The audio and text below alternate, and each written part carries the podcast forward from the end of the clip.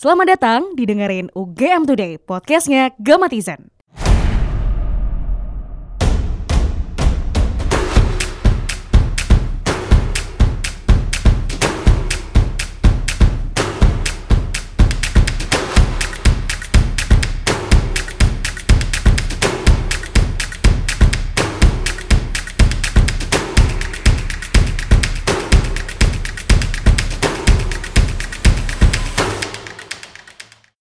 Halo, selamat datang kembali Gamatizen. Selamat datang kembali di dengerin UGM Today, podcastnya Gamatizen.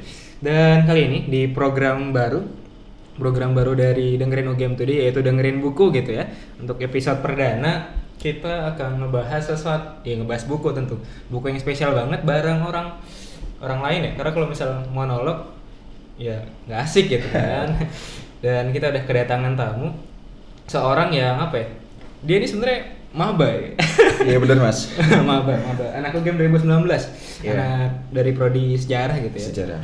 Namanya siapa? Coba kenalin diri dulu deh. Oke. Monggo monggo Mas. Eh, saya Hendri Vanda Putra ya dari Fakultas Ilmu Budaya Prodi Sejarah. Baru masuk tahun ini masih iya. maba. Jadi sebetulnya saya agak minder di deket orang yang menjelang wisuda kayak Mas Kona. Oh, jelang wisuda. Amin. terus terus.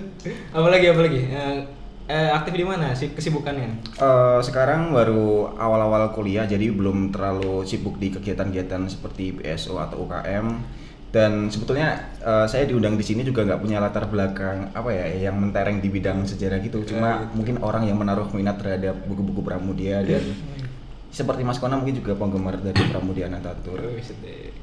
Itu jadi ya gimana ospeknya kemarin? Eh, PSMB PSMB. Masya Allah Burjo burjo ya PSMB. itu bener-bener kayak simulasi padang masyar mas Kenapa panas? panas banget Itu pas apa? Panas pas, pas apa tuh? waktu dikumpulin di lapangan Pancasila bikin formasi tapi akhirnya terbayar sih dengan formasi yang ternyata benar-benar beda lah dari tahun lalu Oh iya, iya, iya. Asik lah ya, berkenang lah ya, mengenang gitu ya. Iya, sangat Oke, jadi eh, jadi sebenarnya ada ada satu hal yang dirahasiakan itu Re- Revan ini keren gitu karena Revan ini adalah orang di balik sebuah akun akun rahasia Oh, gitu. Masya Allah akun rahasia. Akun rahasia. Akun rahasia karena tidak mau dibocorkan. Ya, makanya ya sesuai dengan latar belakang prodinya gitu, sejarah. Makanya keren banget lah gitu. Jadi makanya kami undang ke sini kayak gitu dan insya Allah sangat capable lah untuk ngomongin buku yang keren ini gitu. Jadi buku pertama yang kita omongin adalah eh, sa- dari tokoh-tokoh yang luar biasa gitu ya. Tokoh yang sebenarnya legendaris sempat walaupun kalau misal kita bicara zaman dulu gitu ya kan ya, Iya. sempat eh, dibuang, eh, ditahan karena dituduh sebagai antek-antek komunis Antek seperti komunis. itu. Antek partai komunis kalau nggak salah ya nantilah kita bahas latar belakangnya dan salah satu buku yang ngehits itu adalah yang bentar lagi mau difilmin nih gitu kan. Difilmin. yaitu bumi manusia yo ibu manusia ya gitu ini sekaligus ini sekaligus, merayakan kemerdekaan Indonesia rencananya kalau misalnya nggak meleset ini bakal di, dinaikin tanggal 17 Agustus sih Oh, gitu. 17. nah jadi itu yang bakal kita omongin gitu ya. Dan sebelum masuk ke buku ibu manusia nih aku mau tanya dulu ke Revan sih gitu. Eh, menurutmu apa sih yang apa sih ketika denger nama seorang Pram gitu apa yang kemudian kamu kepikiran oleh Revan nih gitu? Eh, Pram ini kan beda ya dengan penulis-penulis Indonesia, terutama dengan penulis-penulis Indo- Indonesia di zaman sekarang, karena ide-ide yang dia bawa dan nuansa-nuansa yang dia hadirkan dalam karya-karya dia benar-benar berbeda lah. Karena dia kan cenderung memang memihak kepada rakyat kan dan hmm. dan karya-karyanya pun juga sangat kental bernuansa kerakyatan. Bahkan ya tema yang dia usung pun juga realisme sosialis gitu, Hmm. yaitu salah satu aliran sastra yang memang memang di dianut oleh orang-orang yang berpaham sosialis. karena emang emang apa ya emang berat gitu ya yang kemudian sampai apa namanya bukunya harus eh, dilarang di- nggak boleh diterbitkan gitu gitu kan ya Iya, bukunya dilarang ter- diterbitkan karena dituduh me- menyosialisasikan paham Marxisme-Leninisme. Hmm, hmm. terus ada ada nggak kira-kira untuk buku buku pertama yang kamu baca tentang Pram tuh buku apa sih Oke, eh, sebetulnya buku pertama yang saya baca dari Pram itu bukan Bumi Manusia. Oh, bukan Bumi Manusia itu? Bukan Bumi Manusia, justru Hmm. buku yang kurang terkenal judulnya adalah Korupsi.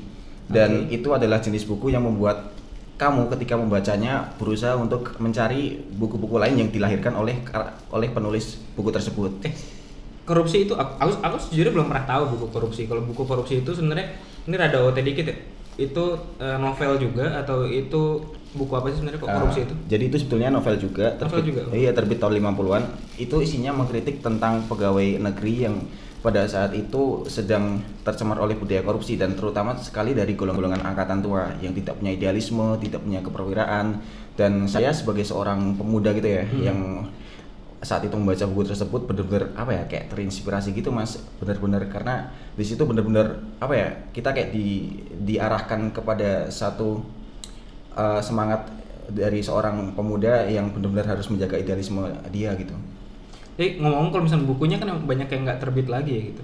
Iya. Korupsi itu kamu baca dari mana tuh? Korupsi di perpustakaan sih mas. Oh, perpustakaan juga? Iya, karena nyari nyari di toko buku pun juga sudah susah kan. Udah nggak ada ya. Udah nggak ada dan mahal juga. Jadi ini ini kayak buku-buku yang udah terbit lagi kan kayak Bumi Manusia dan tetralogi burunya kan mahal banget ya sekarang. iya. Berarti ah, di angka 100 ribu ke atas lah ya. atas ribu ke atas per bukunya. Nah gitu oke. Nah kalau sekarang kita ma- langsung masuk ke Bumi Manusia mungkin obrolan buku ini Oke. buku yang eh, legendaris yang sekarang coba dipopulerkan kayak gitu ya. Buku yang konon kabarnya sudah diterjemahkan lebih dari 30 bahasa di seluruh dunia. Iya betul. Dan apa sih eh, ini kan kalau misal udah baca tetralogi buru kan ya? Udah baca. Nah dari dari dari keempat buku ini gitu, ya, ntar mungkin kalau teman-teman ada yang belum baca, semoga penasaran gitu dan oh iya sebelum jauh-jauh mungkin nih ada- kita bakal ada spoiler untuk bukunya. Jadi kalau misal Aduh. ini ya nggak apa-apa lah gitu. Jadi biar kalau malas baca, seenggaknya dengerin bisa tahu bukunya. Bisa gitu tahu kan. bukunya. Kalau menurutku sih Bu Manusia dengan keempat buku yang lainnya itu dengan ketiga buku yang lain itu kan rada beda. Gitu. Ada beda. Apa kesan yang kamu dapat ketika selesai membaca Bu, Man- Bu Eh, Manusia? pertama kali saya baca ini sebetulnya belum lama ini mas, baru Belum ya? beberapa minggu yang lalu. Oh, gitu, justru buku dari tetralogi Budi yang pertama saya baca itu bukan Bumi Manusia justru. Apa tuh? Jejak Langkah itu buku Jejak yang Langkah ketiga. buku ketiga, Buku oke. ketiga, baru setelah itu Rumah Kaca, baru Bumi Manusia, setelah itu Anak Sebuah Bangsa. Oh gitu, menarik menarik. Dan saya baca itu pertama kali waktu masih SMP mas, Oh, SMP oke. kelas 2 dan ketika pertama kali saya baca Bumi Manusia, saya merasa buku itu apa ya merefleksikan kesadaran dan pemikiran baru dari manusia Indonesia pada saat itu tuh loh mas. Hmm. Jadi kan orang-orang yang pada saat itu masih kolot, belum terpelajar, itu di berusaha di didobrak oleh Mingke, oleh Nyai Ontosoroh Hmm. yang benar-benar udah berusaha apa ya melepaskan diri dari kungkungan selingkungannya, benar-benar punya kesadaran baru dan pemikiran baru mengenai sebuah uh, perlawanan terhadap yang berkuasa dan benar-benar bisa apa ya harus bisa untuk mengangkat derajat dari golongannya sendiri gitu. Kamu dulu waktu SMP pertama kali baca Jejak Langkah, ngerti nggak? ya justru buku dari Pram ini yang berusaha yang jadi pintu gerbang bagi saya untuk memahami hal-hal yang lebih berat di luar sana Ya gitu. kan sekarang aku aku pertama kali baca buku Pram, bu, aku pertama kali baca Bumi Manusia. Iya. Itu waktu zaman 2014. 2014. Zaman maba. Itu pun waktu itu belum ada belum ada buku asli yang dijual. Oh. Masih belum ada yang belum ada belum ada apa ya? Belum ada sekarang sekarang udah diterbitin lagi Lentera di Pantara gitu. Iya. Zaman dulu tuh belum ada buku yang asli. Jadi aku itu harus ngeprint bajakan gitu. Karena belum ada ya mau gimana lagi kan. Akhirnya aku baca. Dan itu bisa tertarik dari mana, Mas? Aku Iya. karena aku dulu berterima kasih sama ini sama guru SMA gitu. Kayak mengenalkan aku dengan Pram baru tahu namanya doang. Oh. sempat browsing oh ini kayak keren deh. Baru kemudian di SM, SMA di kuliah kayak tahu oh dan ternyata keren gitu. Bumi Hmm. Keren banget. Walaupun emang untuk sebagian teman-teman mungkin ada yang ngerasa rada susah dan emang nggak nggak segampang itu sih nggak serenyah itu untuk dicerna kan emang kata-katanya kayak gitu. Dan kalau misalnya ngomongin itu tadi kan kamu udah sebut eh, Minke gitu ya latar latar latar belakangnya kan tahun berapa sih itu tahun? Tahun awal 20-an, ini transisi antara abad ke 20 ke 21 ya? 20 ke 21. Eh, da- 19 ke 20. Eh 19 ke 20 ya 19 ke 20 20 21 bukan tahun ini ya. Untung Iya. mas, untung masnya nggak kuliah di jurusan sejarah ya. Wajar kalau salah ya. Iya. nah kayak gitu terus apa masalahnya Bumi Manusia itu bukunya sebenarnya jenis jenis buku apa sih? Disebutnya kalau di, di bukunya kan ditulis buku roman gitu ya roman. Buku roman. Tapi menurut kalau menurutmu sendiri buku apa sih itu Bumi Manusia itu? Ya, Jenisnya? itu satu novel sejarah kan. Ah, novel sejarah. walaupun tidak benar-benar menghadirkan fakta-fakta sejarah yang detail dan akurat, Hmm. tapi Pram sendiri juga pernah berkata bahwa dia itu tidak punya latar belakang pendidikan sejarah kan. Iya. Dan sekiranya dia punya latar belakang pendidikan sejarah, dia akan menulis eh, satu esai yang panjang mengenai mengapa bisa terjadi penindasan dan perlawanan dari masyarakat yang tertindas gitu di seperti terungkap dalam bu- bumi manusia. Tapi karena dia tidak punya pendidikan sejarah, dia akhirnya berusaha mengangkat semangat semangatnya, bukan fakta-fakta historisnya di dalam buku Bumi Manusia. Dan itulah yang berusaha dihadirkan Pram di Bumi Manusia Hmm. Dan dengan itu pula akhirnya Bumi Manusia ya dapatlah kita kategorikan sebagai novel sejarah. Novel sejarah gitu ya. Tapi eh, kerennya gitu ya. Kerennya kalau misal salah satu hal yang aku takjub adalah dari tetralogi buru kan kalau nggak salah ditulis di ya di Pulau Buru sesuai Iya. namanya sesuai, sesuai sebutannya judulnya tetralogi buru gitu. Eh, Bumi Manusia ini di, sebelum ditulis tahun 1975 dulu lisan dulu jadi Lisan ketika, dulu. iya kan ya kalau Iya. nggak salah, ketika di penjara terus kemudian kayak diceritain dulu mungkin aku ngebayangin gitu ya aku, aku tuh pribadi ngebayangin mungkin jangan ada semacam kelompok diskusi di Kelompok penjara diskusi dengan dari dengan pi- narapidana. iya dengan dengan pimpinannya adalah si Pak Depram ini Pak gitu. Depram. terus cerita tentang bumi manusia keren banget ya tapi kamu tau gak sih eh, apa sih kemudian kenapa Pram bisa sampai ke Pulau Buru gitu kemudian kira-kira kenapa kemudian apa yang menginspirasi beliau untuk menulis bumi manusia kamu tau nggak tuh Ya sedikit-sedikit tahu lah. Hmm. Jadi ya seperti kita semua tahu mungkin tahun 65 itu kan jadi titik balik dari sejarah Indonesia, titik kebudayaannya, politiknya dari yang semula kebudayaannya keseniannya bernuansa kerakyatan jadi budaya pop yang cengeng dan kemudian kita Iya. kita dari salah satu negara pionir untuk menentang imperialisme kita menjadi anak manis blok barat gitu kan Hmm. dan karena Pram termasuk ke dalam golongan yang berlawanan dengan penguasa yang baru setelah tahun 65 ya maka dia akhirnya mendapatkan risiko juga dari tindakan-tindakannya sebelum tahun 65 dan dia dituduh eh, PKI dan berpaham komunis dan terlibat dalam G30S sehingga dia dibuang ke Pulau Buru dan di sana sampai berapa sih 4 10 tahun belasan tahun berulang kali kan ya keluar masuk penjara juga keluar maksudnya masuk, keluar masuk penjara sejak zaman Belanda. Sebetulnya Pram keluar masuk penjara itu sejak zaman Belanda di Zaman Belanda. Iya, di zaman Belanda pernah, Orde Lama pernah, Orde Baru juga pernah. Jadi itu uniknya Pram sebagai seorang pengarang Sagira. Jadi punya pengalaman yang kaya sehingga dihadirkan dalam bukunya pun juga syarat akan cerita-cerita dari pengalamannya sendiri gitu. Dan uh, di Pulau Buru itu akhirnya dia bisa menulis bumi manusia seperti tadi udah dikatakan pertama secara lisan kemudian secara tulisan dan itu saya kira suatu hal yang luar biasa karena Luar di biasa. bawah tekanan dia bisa membuat mahakarya Yang luar karya biasa puncaknya gitu. dari Pram justru Hmm. sedangkan kita yang bebas dan dikelilingi oleh fasilitas-fasilitas skripsi aja nggak jadi jadi Skripsi aja kan? Saya- pengalamannya mas Waduh, ya begitulah. Jadi curhat kan. Ya kayak gitu. Tadi kan ngomongin Pram dan Bumi Manusia, kemudian novel-novel dan karya Pram aja ba- waktu zaman Orde Baru banyak ini dilarang terbit gitu kan. Iya. Kemudian banyak bukunya yang diberedaran bahkan sampai sekarang gitu ya, sampai Iya. sekarang yang eh, apa hak ciptanya entah di mana gitu. Hak Konon ada beberapa buku yang hak ciptanya ada di Malaysia bahkan gitu dan sekarang buku yang nggak terbit gitu masih nggak jelas. Contohnya kayak eh, karya Pram lain perburuan gitu misalnya Iya. juga hak ciptanya entah di mana bukunya nggak terbit juga gitu kan. Iya.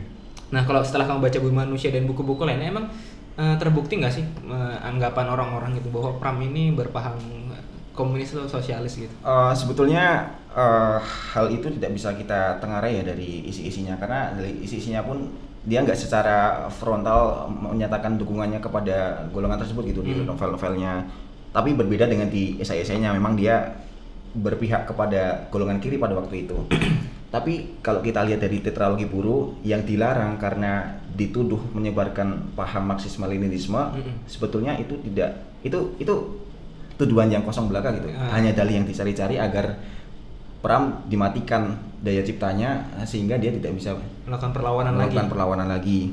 Karena ya emang gitu sih ketika aku saya baca pun kayak ini bumi manusia terutama ini di mana ininya sih di mana bahayanya gitu. Iya, iya. Cuman ya kalau misalnya habis ada yang dengerin kita diciduk kan iya. Enggak, udah boleh, udah udah difilmkan, udah difilmkan, tenang saja. gitu. Oke, kita masuk ke yang lebih dalam dari novelnya itu eh, isinya tentang isi isinya tadi tentang apa karakter-karakternya gitu. Iya. Karakter-karakternya itu ada ada siapa aja sebenarnya? Eh, dari mungkin yang tokoh paling dominan di sini ada Minke. Minke. Minke tuh siapa tuh? Minke seorang pelajar HBS Ah. umur 20-an yang salah satu orang pertama-tama dari pribumi Indonesia yang mendapatkan didikan Eropa sehingga dia dapat kemudian melepaskan diri dari pikiran sempit di selingkungannya untuk melakukan perlawanan terhadap Eropa yang berkuasa dan menindas pada waktu itu.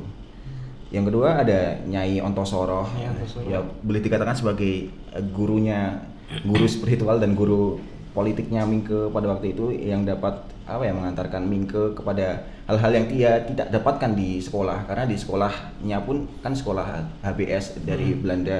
Tentu saja Belanda tidak akan mendidik siswanya untuk melakukan perlawanan terhadap Belanda sendiri kan? Hmm. jadi hal-hal seperti itu didapatkan dari Nyai Ontosoro dua tokoh itu yang dominan di bumi manusia. Eh, ada lagi mungkin? Siapa lagi? Dua dua tokoh itu aja Eh, banyak sih tokoh-tokoh yang lain Hmm. sahabat-sahabatnya Mingke Kayak seperti contohnya ada Anelis gitu ya Annelies. yang eh jadi apa di, di di novel tuh dia jadi jadi istrinya gitu ya istrinya Heeh. terus ada siapa namanya Ada Eh, yang- Robert Melema Robert gitu. Melema. Robert Melema terus Kakak. anaknya dari Nyai Ontosoroh dan siapa sih nama bapaknya tuh Herman Melema Herman Melema iya itu dia dan sahabat-sahabat Mingke pun juga Shang Shang Marai iya gitu ya. Komar. kalau kamu ngelihat sosok Mingke Mingke kan sebenarnya eh, kalau merefleksikan lebih lanjut adalah cermin ada apa ya ibaratnya mm, terinspirasi Pram membuat tokoh Mingke yang terinspirasi dari seorang pahlawan gitu Iya.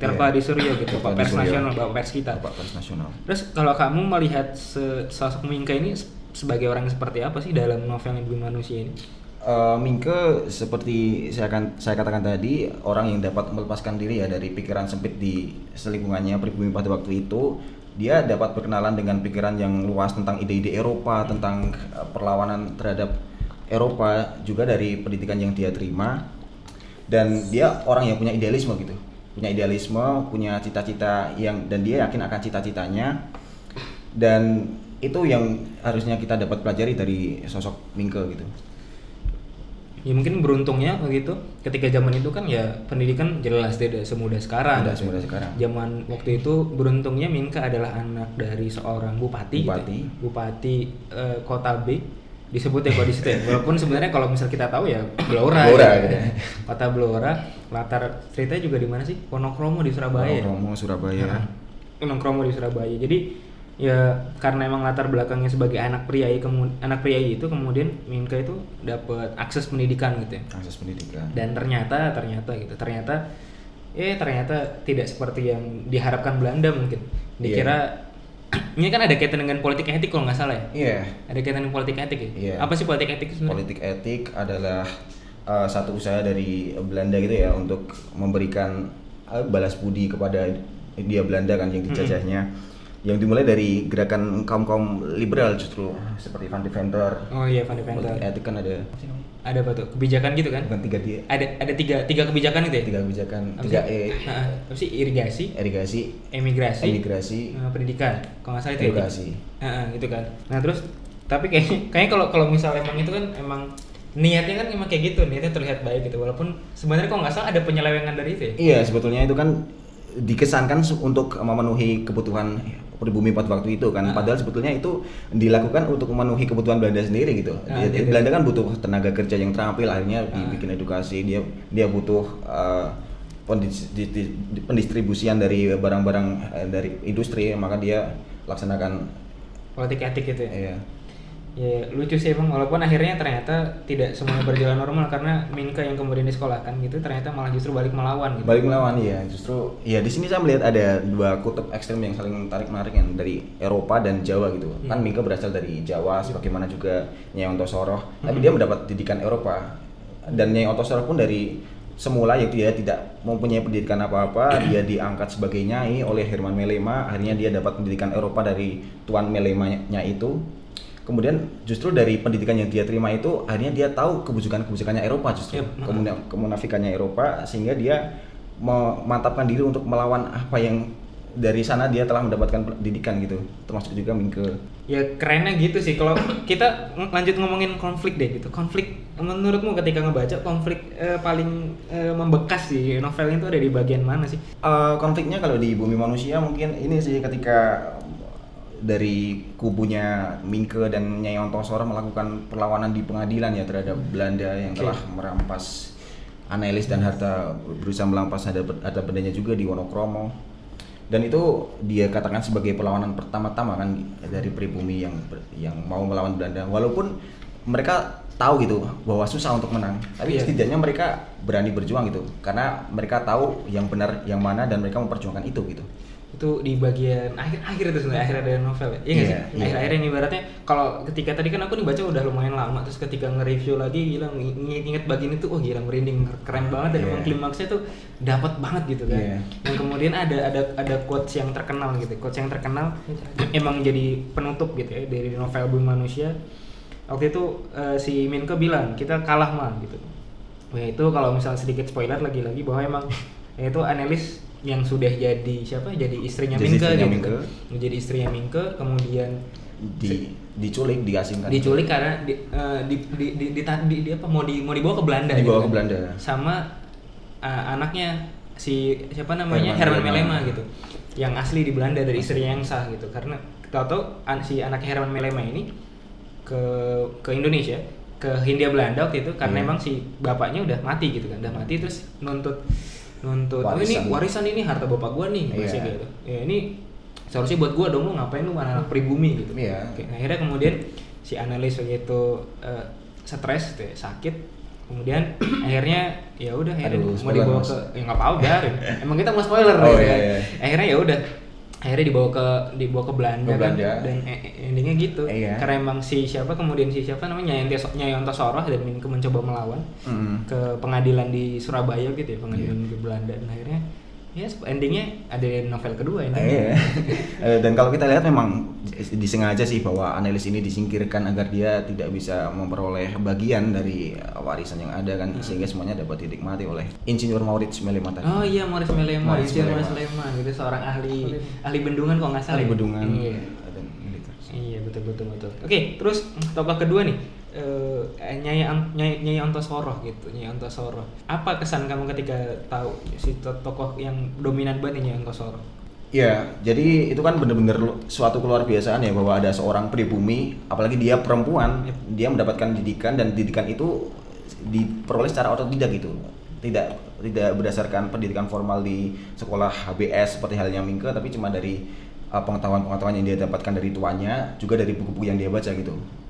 Dan itu uh, benar-benar membuat kita belajar gitu bahwa kita sebetulnya tidak perlu pendidikan yang formal yang tinggi-tinggi untuk menjadi seorang yang dapat uh, mempunyai wawasan yang luas tapi hanya perlu buku-buku yang banyak untuk kita baca dan benar-benar bahwa pendidikan itu harus kita pergunakan untuk melawan hal-hal yang salah gitu dan memperjuangkan hal yang benar dan Iya. itu yang saya lihat dari Nyai Antosoro. Beliau adalah eh, gundik gundik tuh apa ya? Gundik tuh kayak Kayak simpanan, simpanan ya, kayak simpanan. Kayak perempuan simpanan yang itu bapaknya si Nyai Antosoro ini siapa namanya? Sas- Sastro Tomo. Oh iya Sastro Tomo, dia bu- bupati juga nggak salah. Iya.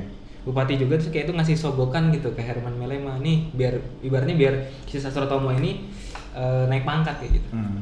Akhirnya Nyai Antosoro dikasih sebagai gundik dan akhirnya ya awalnya nangis-nangis gitu kan. Karena ya ibaratnya tega banget seorang bapak menjual anak perempuannya ke Belanda. Iya. Tapi ternyata dari situ justru Nyai Antosoro kerennya dia beliau belajar untuk melakukan perlawanan sampai akhirnya ya si siapa namanya si Herman Melema itu si sebenarnya bukan suami ya. Ya, Ya, kayak ya apa sih tuannya, sebenarnya tuannya. gitu ya. Tuannya mati gitu kan akhirnya justru si Antosoro ini mengelola perusahaan itu yang besar sekali kayak gitu. Iya, dan ironisnya Hmm. nanti ternyata anak dari orang yang menjualnya Antosoro itu juga melakukan hal yang sama yang dilakukan bapaknya. Siapa tuh? Sastro kasir tapi itu di buku Oh selanjutnya. iya, Sastro. Oh iya, Sastro Kasir. Oh iya, iya betul. Eh, di, di antara dua tokoh tadi yang dominan sekali di novel Bumi Manusia ya. Tokoh siapa sih tokoh-tokoh pendukung siapa yang kemudian menurutmu membekas gitu, membekas banget. Nggak harus tokoh nggak nggak harus membekas dalam konotasi baik sih, dalam konotasi negatif pun ya nggak apa-apa gitu. Menurut siapa sih tokoh yang membekas banget selain kedua tokoh itu? Ada nggak? Ada mungkin ini ya sahabatnya Mingke seorang pelukis dari Prancis. Oh iya. Jean Jean Marais. Jean Marais itu ya. Jean Marais. Kalau tulisannya tulisannya Jean Marais. Jean gitu Marais. ya. Dulu saya bacanya dia, Jean Iya, iya. Marais gitu. Bacanya Jean Marais. Jean Marais. Eh, kenapa kamu menilai itu sebagai tokoh yang berpengaruh? Iya, dari situ kan dari Jean Marais ini Mingke dapat banyak bahan ya buat buat, buat melawan ah, yang salah yang dia yakini. Dan di situ juga dari Jean Marais juga dikatakan bahwa kita harus melawan hal yang salah walaupun walaupun kita tahu bakal kalah gitu. Seperti halnya orang-orang yang ada di Aceh yang melawan penjajahan Belanda gitu kan. Yang pada waktu itu sebetulnya Jean Marais berada di pihak Belanda, tapi ternyata Hmm. dia menyesali tindakannya itu dan dari situ kita belajar bahwa walaupun kita lemah dan tahu bahwa hasilnya adalah negatif bagi kita ya kita tetap harus memperjuangkan hal yang benar gitu dan itu diadopsi oleh Mingke dan akhirnya dia melakukan hal yang sama untuk melawan hal yang salah untuk untuk meyakini hal-hal yang dia yakini benar walaupun akhirnya juga dia kalah tapi setidaknya telah melawan gitu Nah, ya, yang ke yang salah satu hal yang aku ingat dari Jean eh, Jean Marais gitu. Iya. Jean Marais itu sebenarnya kata-kata dia gitu yang kemudian jadi sering banget jadi quotes terkenal Iya. gitu kan. Yang apa namanya? seorang Seorang terpelajar harus ada sejak dari pikiran gitu kan. apalagi perbuatan Apalagi perbuatan. Itu Iya. kan sebenarnya bagian dari kata-katanya dia dialognya yang di, diucapkan Chiang Mare ini kemudian wah ngehits banget tuh kan katanya Iya. dan emang sepakat sekali gitu ada lagi nggak kira-kira selain Chiang Mare gitu yang ibaratnya membekas banget karena emang ya itu menginspirasi Mingke banget sih dengan latar belakangnya yang seorang Belanda gitu orang Prancis akhirnya ternyata menaruh simpati kepada pribumi pada saat itu ada ada tokoh lain nggak kira-kira yang menurutmu membekas banget atau momen-momen lain nih di novel Bumi manusia yang wah gila nih asik banget nih gitu. Hmm, ya sebenarnya banyak sih, tapi justru itu ada di buku-buku yang lain gitu setelah setelah setelahnya Bumi Manusia. Jadi ya untuk Bumi Manusia hmm, mungkin saya kira ini sih. Jadi sahabatnya Mingke yang ditampilkan di situ kan banyak ya. Mhm. Salah satunya adalah Komor gitu ya. Eh, Komor. Seorang jurnalis dari Belanda. Nah, Jen Komer ha. Ya, yang akhirnya juga mendukung dari apa yang berusaha diperjuangkan oleh Mingke gitu Mhm. di, di di media media masa pada waktu itu. Jadi kan pada waktu itu kasusnya dari Mingke analisnya Ontosoro dengan Maurits Melema ini kan viral gitu ya katakanlah Yep. Mhm. pada tahun awal abad 20 itu. Hmm. Dan di situ Komer lah yang berusaha untuk em, mendukung dari apa yang berusaha diperjuangkan Mingke walaupun banyak dari media media massa yang lain justru berpihak kepada Belanda gitu. Dan dari situ kita dapat belajar bahwa orang yang sebetulnya berlatar belakang Belanda pun juga sebetulnya dapat mendukung mendukung golongan lawannya gitu atas motivasi kemanusiaan. Oke, yang Komer itu iya orang Belanda yang itu ya, sebagai seorang jurnalis itu. Nah, sekarang kan setelah tadi kita banyak ngomongin Bumi Manusia sebagai novel gitu dan belakangan ternyata ntar rilis tanggal 15 Agustus. Mungkin Betul. teman-teman ketika ini rilis sudah ada yang nonton, nanti bisa eh, silakan tulis di kolom komen gitu ya. Tapi kan ketika kita rekaman ini belum keluar nih film ini. Iya. Jadi kita belum bisa ngasih review. Belum gitu. bisa ngasih review. Tapi setidaknya dari eh, dari apa namanya? dari trailer ataupun dari apa pun yang ketika kamu mendengar bahwa ibu manusia difilmkan, tanggapanmu apa sih? Saya termasuk orang yang mengagumi Pram kan dari Iya. lama dan menyadari bahwa yang memerankan Iqbal ya tentu ada sedikit ya, perasaan yang apa ya was-was gitu lah. Tapi ya saya ber- saya berusaha berpikir positif ya. Saya bersyukur karena dengan difilmkan Bumi Manusia ini maka ide-ide yang berusaha diusung oleh Pram yang hanya biasanya diminati oleh golongan tertentu akhirnya dapat meluaskan di kalangan milenial zaman sekarang. Dan dulu kan saya katakan tadi Pram termasuk orang yang mengusung tema realisme sosialis dalam karya sastranya gitu. Berlawanan dengan golongan orang-orang yang hanya mengangkat tema-tema percintaan gitu di dalam karya-karyanya. Dan seandainya nanti filmnya justru malah menampilkan hal yang sebaliknya ya- ya- yaitu memfokuskan diri kepada Percintaan ya? percintaannya. Eh, ya saya pikir Pram akan kecewa gitu. Ya, sayang sih sebenarnya karena emang banyak nilai positif yang diambil seharusnya. Di, dibanding emang emang dibanding emang kisah percintaannya emang tragis juga gitu kan. Tragis. cuman ya kalau fokus ke sana kayak sayang aku juga gitu sih sebenarnya. Ketika ketika pertama kali denger ya oke sih nggak apa walaupun kesannya sama itu pertama Iqbal oke. Karena kan kalau dalam visualisasiku ketika ngebaca Minka ini kayak orang yang Jawa banget gitu Jawa kan. banget. kulitnya coklat coklat tekil gitu kan sebagai orang pribumi zaman dulu gitu. Iya. ya Iqbal terlalu ganteng mungkin. Sebagai sebagai sebagai seorang Minka gitu. Nggak cocok. Aku nggak nggak nggak mau ngomentarin actingnya gitu ya. Tapi Iya. lebih ke physically rada rada gimana gitu. Cuman ya oke lah gitu. Terus sama Dan- satu lagi sih kalau aku masalah film tuh aku mau tanya deh ketika kamu em, apa ya dapat deskripsi tentang analis siapa yang kamu bayangkan ada nggak kebayang siapa gitu kayak eh, seorang totok Belanda dengan sifat yang eh, kekanak-kanakan gitu Eh, siapa ya Kebayang seorang nggak? belum belum sih mas waktu saya Nah, karena kalau kalau aku gitu, ketika kalau aku ketika ketika ketika apa namanya? ketika eh, baca tentang analis gitu. Analis yang kebayang Chelsea Islam sebenarnya. Chelsea Islam. iya. Karena karena ini eh, pertama mungkin karena emang dia rada Belanda gitu kan.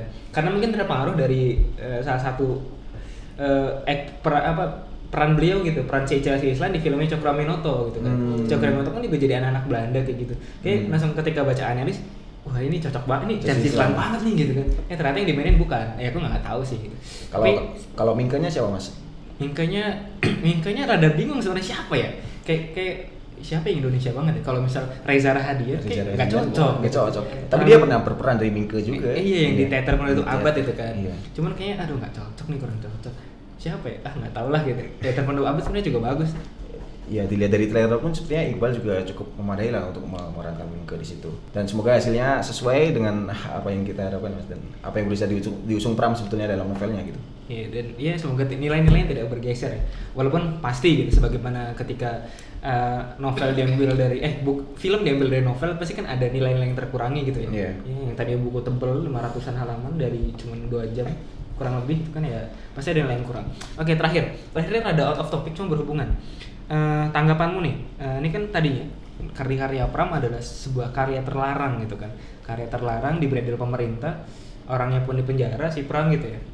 Tapi kemudian sekarang bahkan eh, novelnya Pram, karyanya Pram difilmkan, Iya. dipopulerkan bahkan Hmm. dapat izin. Tapi di lain sisi gitu, di beberapa waktu lalu banyak terjadi pemberedelan buku. Iya. Menurutmu eh, ada tanggapan nggak sih terkait apa ya? Kok kok bisa gitu? Kenapa ya karyanya Pram yang sekarang jadi pop gitu misalnya dan tapi di sisi yang lain kok malah tetap tetap masih ada pemberedelan buku gitu. Iya. Ada tanggapan nggak? Saya kira Pram pasti akan meloncat keluar dari kubur kalau melihat bahwa zaman sekarang masih ada pelarangan buku gitu ya.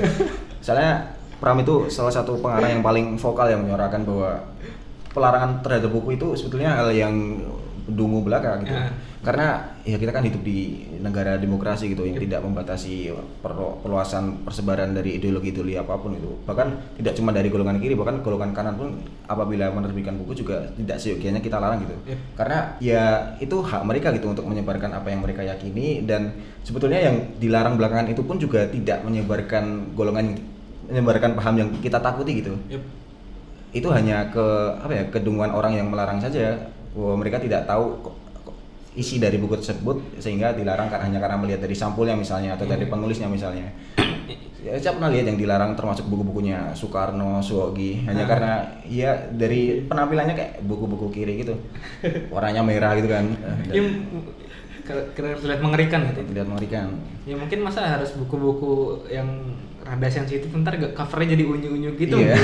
biar biar biar nggak dilarang gitu. Iya. Tapi ya, ya, ya lucu sih saya juga sepakat di situ kayak kayak kemarin aku juga belum pernah baca cuman kabarnya yang ada bukunya dari eh, Roma Magnis itu kan juga disita gitu, Iya. buku Roma Magnis yang tentang emang emang fotonya foto foto Marx sih gitu. Hmm. cuman kabarnya bukunya nggak bersih tentang Marx gitu justru Hmm. ketika lihat latar belakang si Roma Magnis beliau kan ya bukan seorang Marxis gitu Iya. tapi buku itu disita itu ya lucu juga gitu Iya. mungkin ya Pram akan lompat dari kubur sebenarnya Lompat dari kubur. oke Nah, beneran terakhir ya beneran terakhir beneran terakhir apa ya gimana ibaratnya Eh, closing statement mungkin terkait Oke. bumi manusia dan dan korelasinya untuk eh, kemerdekaan di zaman sekarang nih menurutmu Pram berusaha menghadirkan idealisme kan di novel-novel Bumi Manusia itu. Yep. Dan kita sebagai seorang pemuda gitu ya yang Hmm. yang seharusnya harus masih kaya dengan idealisme sebagaimana Tan Malaka kan pernah bilang bahwa idealisme adalah kemewahan terakhir gitu yang dimiliki oleh seorang pemuda.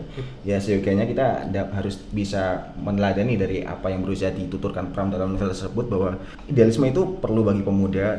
Pemuda harus meyakini cita-cita yang merujuk kepada kebenaran dan melawan terhadap yang salah walaupun dia tahu resikonya gitu walaupun dia tahu bakal kalah walaupun dia tahu dia lemah dan itu yang saya pelajari dari bumi manusia dan kiranya relevan untuk kita pelajari maknai kembali di masa-masa menjelang HUT proklamasi ini Eh, dan sebetulnya kan apa yang berusaha dihadirkan oleh Pram ini Indonesia Indonesia sebelum tahun 65 kan Iya. yang bertendensi kerakyatan Mhm. dan yang sebagai saya katakan tadi dan itu tidak hadir gitu di Indonesia setelah 65 dan berusaha dihadirkan kembali setelah reformasi dan ini pentingnya menyosialisasikan kembali karya-karya Pram termasuk dengan adanya film tersebut yaitu kita bisa merasai gitu sejarah Indonesia sebelum tahun 65 yang bertendensi kerakyatan dan perlawanan terhadap yang menindas dan pembelaan terhadap yang tertindas gitu dan itu dihadirkan Pram melalui tokoh yang bernama Mingke dan itu yang sebenarnya kita pelajari gitu menjelang kemerdekaan kemerdekaan ini. Oke, Ken, itu ya sekian obrolan tentang buku, dengerin buku edisi pertama tentang bumi manusia. Mungkin sedikit penutup dari saya gitu, bahwa emang bumi manusia ini novel yang luar biasa. Mungkin kalau ada teman-teman yang mendengarkan tapi belum membaca, saya sarankan untuk membaca karena untuk teman bahkan untuk teman-teman yang sukanya uh, romance-romance sekalipun karena kisah cintanya pun menarik seperti itu.